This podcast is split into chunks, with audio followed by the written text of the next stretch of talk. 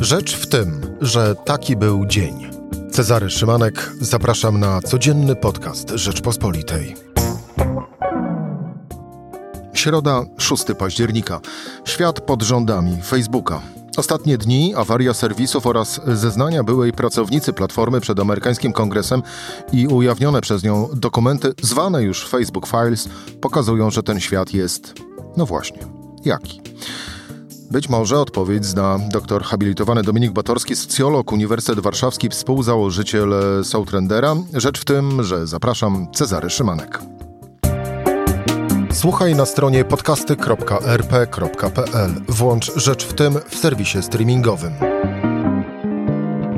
I moim gościem dr habilitowany Dominik Batorski, socjolog, Uniwersytet Warszawski, współzałożyciel Soul Trendera. Dla przypomnienia raz jeszcze powtórzę.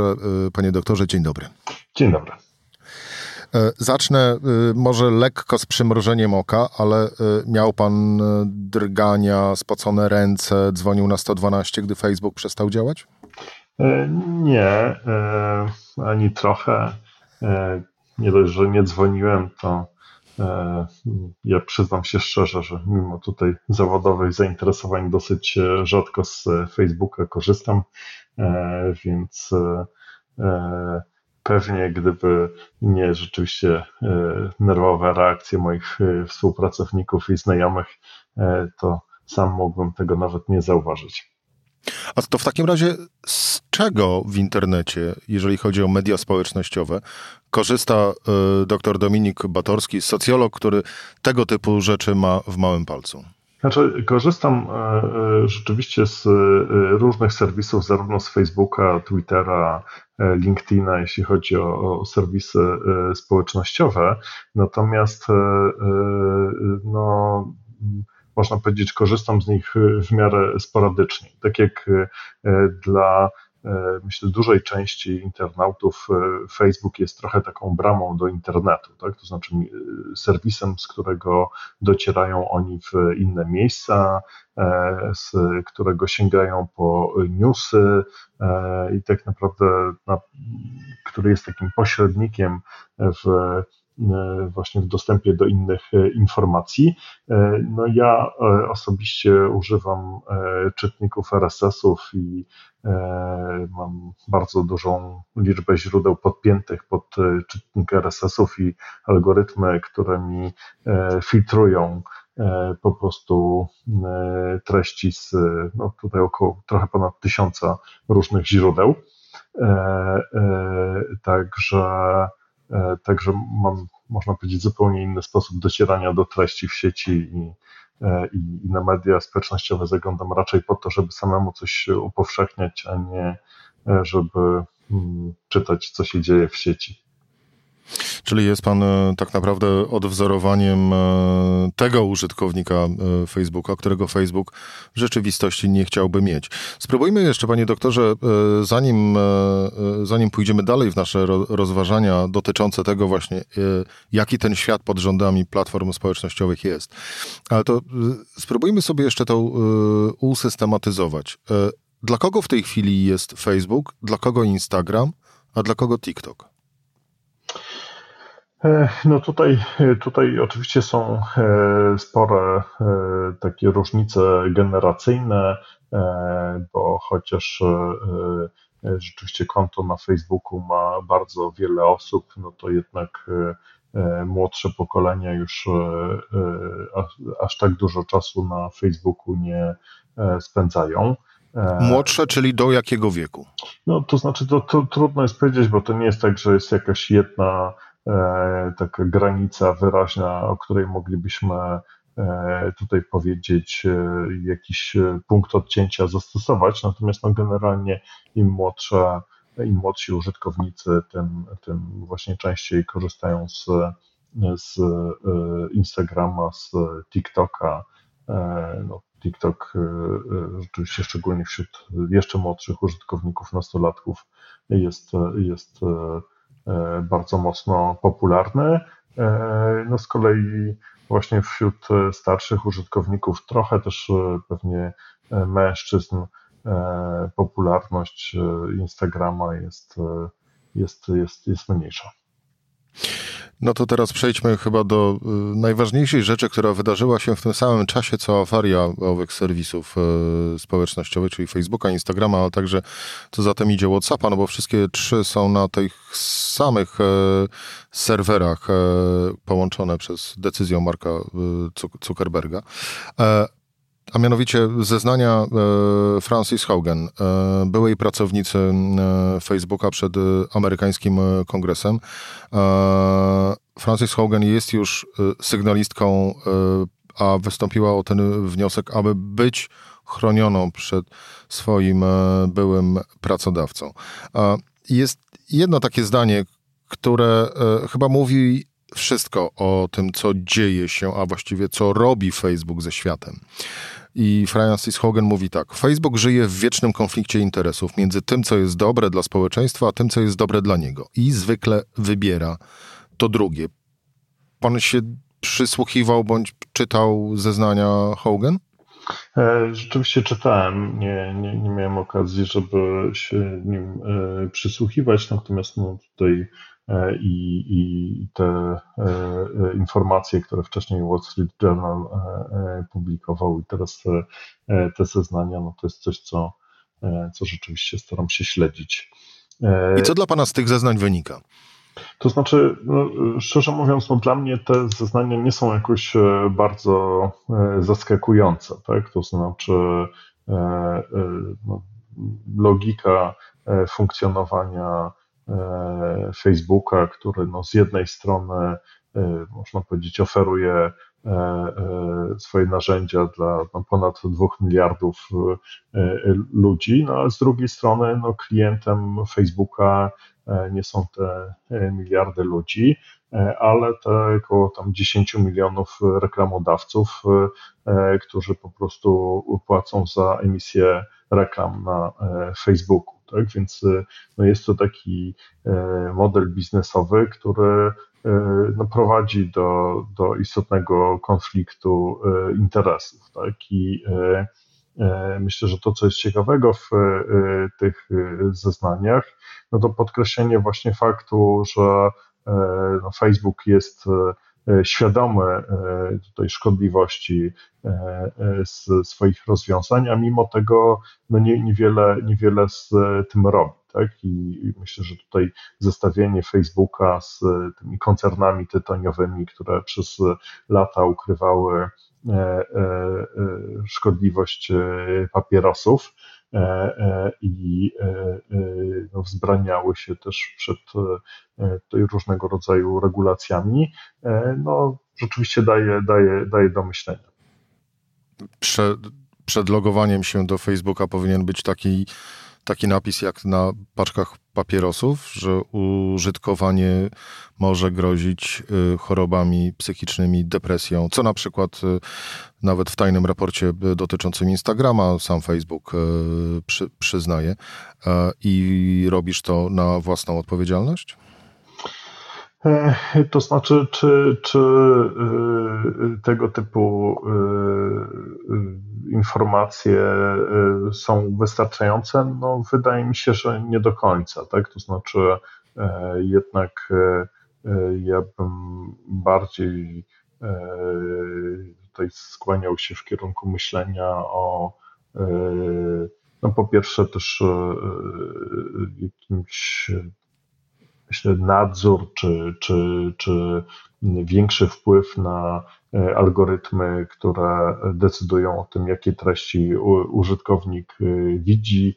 E, no, tego typu, tego typu, myślę, rozwiązania byłyby potrzebne. Tak? No bo Panie doktorze, to tutaj... do, do, do mhm. kwestii nadzoru za chwilę wrócimy. Pozostańmy jeszcze przy y, słowach sygnalistki y, Francis Hogan. Y, ona mówi tak, wersja Facebooka, która istnieje dzisiaj, dzieli nasze społeczeństwa i powoduje przemoc etniczną na całym świecie. Prawda czy fałsz? Znaczy, no rzeczywiście mamy prawda, udokumentowane przypadki no, istotnego E, znaczenia Facebooka w na przykład masakrach, które miały miejsce w Mianmarze, e, więc, więc e, no tutaj trudno, trudno z tym polemizować. Tak? Natomiast no,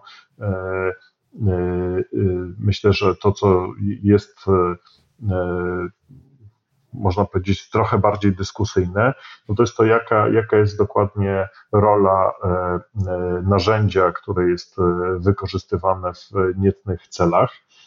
I myślę, że to, co jest tutaj najistotniejszym problemem, to to, że w tej chwili rzeczywiście, jeśli chodzi o nadzór nad treściami, usuwanie treści, które są negatywne, które sieją nienawiść, E, no to cały czas e, nie dzieje się to wystarczająco e, szybko, czy, czy wystarczająco na dużą skalę, aczkolwiek no też, też żeby tutaj jakoś tam być fair dla drugiej strony, no to, to, to Facebook pewne działania w tym zakresie podejmuje. Tak? Myślę, że, że to, co tutaj z tych zeznań wynika i, i też to, co E, myślę, e, wiele osób dostrzega, to to, że po prostu są to działania, które są e, cały czas zbyt małe w stosunku do, do, do potrzeb i nie są w istocie rozwiązaniem problemu, a ewentualnie wpływają na zmniejszenie jego skali. No właśnie, bo z tych e, wewnętrznych firmowych badań, badań Facebooka e, ujawnionych e, w ramach Facebook Files, czyli tych dokumentów wyniesionych przez Francis Hogan, wynika, że Facebook identyfikuje jedynie od 3 do 5% treści z mową nienawiści i zaledwie 1% treści z przemocą bądź podżeganiem do przemocy. Zanim zastanowimy się, panie doktorze, nad tym, co można byłoby zrobić, czyli tu odwołuje się do owego e, wspomnianych przez Pana e, kwestiach dotyczących regulacji, to ja bym teraz poprosił Pana o odpowiedź właśnie, e, spróbowanie odpowiedzi na, na pytanie, mm, jaki jest ten świat pod rządami Facebooka? To jest dobry świat, zły? Bo to, że tak, taki on jest, czyli pod wpływem Facebooka, no to bądź też innych platform społecznościowych, no to chyba jest to y, teza, y, no, która jest bardzo bliska prawdopodobieństwu. To znaczy, y, no jest to niesamowicie skomplikowane e, pytanie, tak? dlatego że e, niewątpliwie e, w ogóle media społecznościowe niosą ze sobą też wiele pozytywnych E, wartości, pozytywnych zasobów, tak? To znaczy e, rzeczywiście pozwalają ludziom na e, lepszy kontakt mimo często odległości, pozwalają na podtrzymywanie większej ilości kontaktów, są takim źródłem kapitału społecznego, bardzo często są E, narzędziem do pozyskiwania takiej nieformalnej e, pomocy czy, e, czy wsparcia, więc, więc no niewątpliwie coś tam z tej pierwotnej misji firmy, łączenia ludzi jest, natomiast no to wszystko E, no nie, nie odbywa się bez zupełnie żadnych e, kosztów. Tak? I tutaj e, rzeczywiście kwestie dzielenia ludzi, wzmacniania podziałów, też no, takiego nadmiernego promowania właśnie bardziej konfliktowych treści, czy te problemy o których e, wspomniał Pan wcześniej, tak? to znaczy związane z e, samooceną, szczególnie e, nastolatków, którzy no może przesadnie krytycznie myślą o sobie, widząc wyidealizowane życie innych osób, czy właściwie te fragmenty, które są na Facebooku, czy szczególnie na, na, na Instagramie e, e, pokazywane, tak? Więc te negatywne efekty tutaj dla, dla własnej samooceny, no to są, to są rzeczywiście problemy, które są no, niezwykle istotne i, i, i też jak tutaj pokazują te ujawniane informacje, mają bardzo dużą skalę.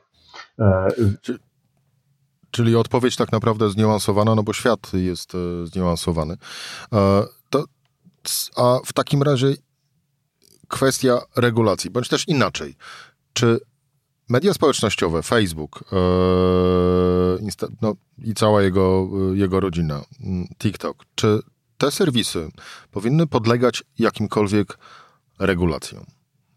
Znaczy, tak, ja nie mam wątpliwości, że w ogóle regulacje w internecie są e, potrzebne. Regulacje e, e, tego typu serwisów są jak najbardziej konieczne, tak? To znaczy. A regulacje, proszę, czyli co trzeba by było zregulować, mówiąc kolokwialnie? Mhm.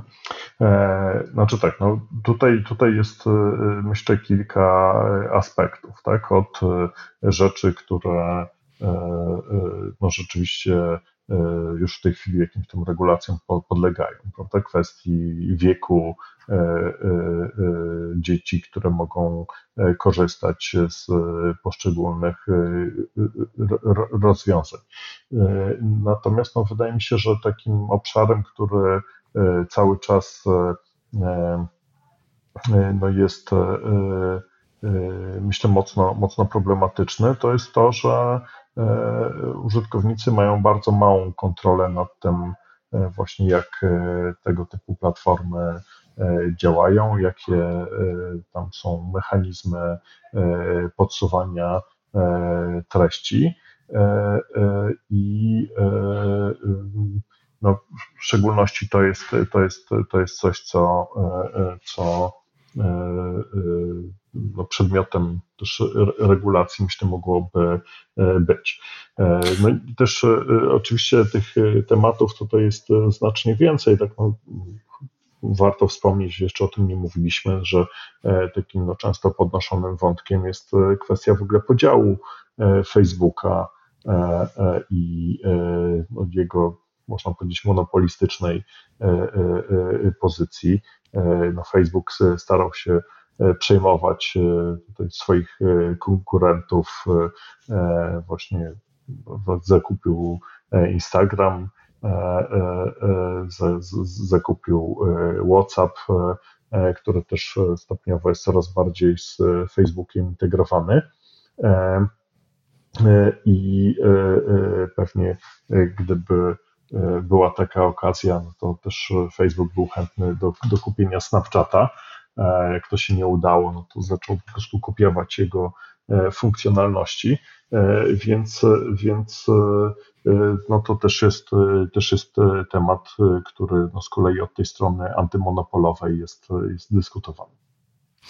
To jeszcze jedno ostatnie pytanie na koniec w kontekście owych regulacji, bo żeby użytkownik miał większy wpływ na to, co dzieje się albo na jego kontach, albo wiedzę, co jest mu podawane, no to jakieś ciało nadzorcze powinno mieć y, wgląd, pełny wgląd y, w algorytmy, y, dzięki które jakby funkcjonują na, na, w owych serwisach społecznościowych. To jest w ogóle możliwe, Pana zdaniem?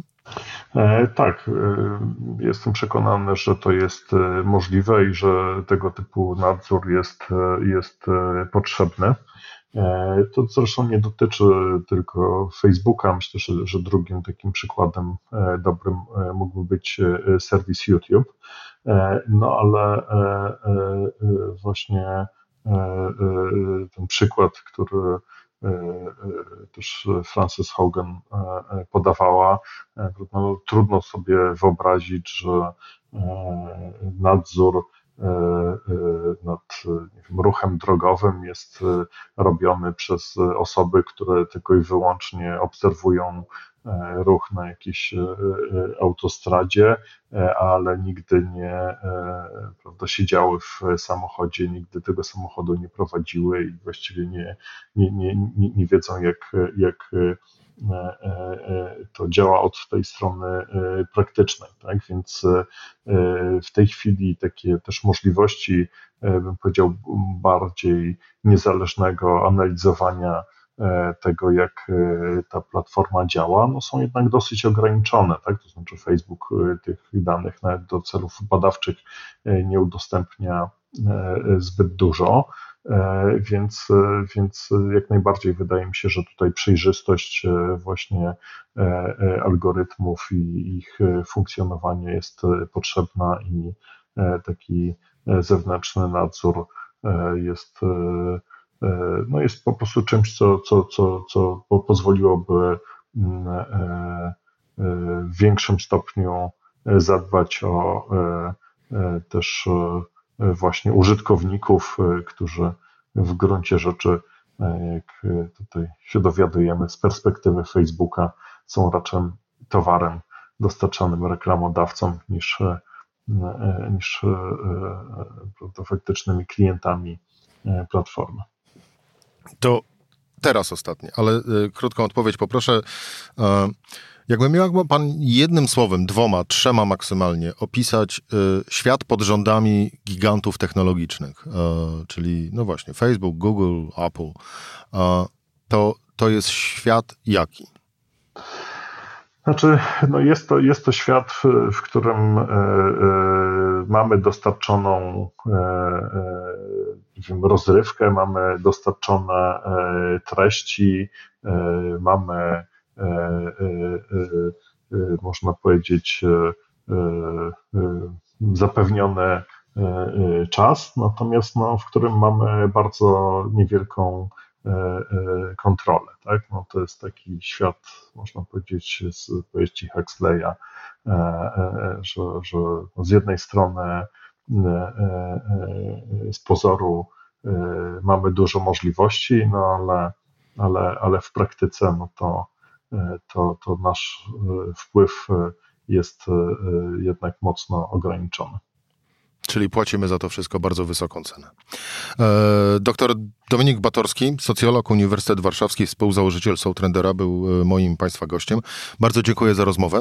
Dziękuję również. To była rzecz w tym e, w środę. Cezary Szymanek do usłyszenia jutro o tej samej porze.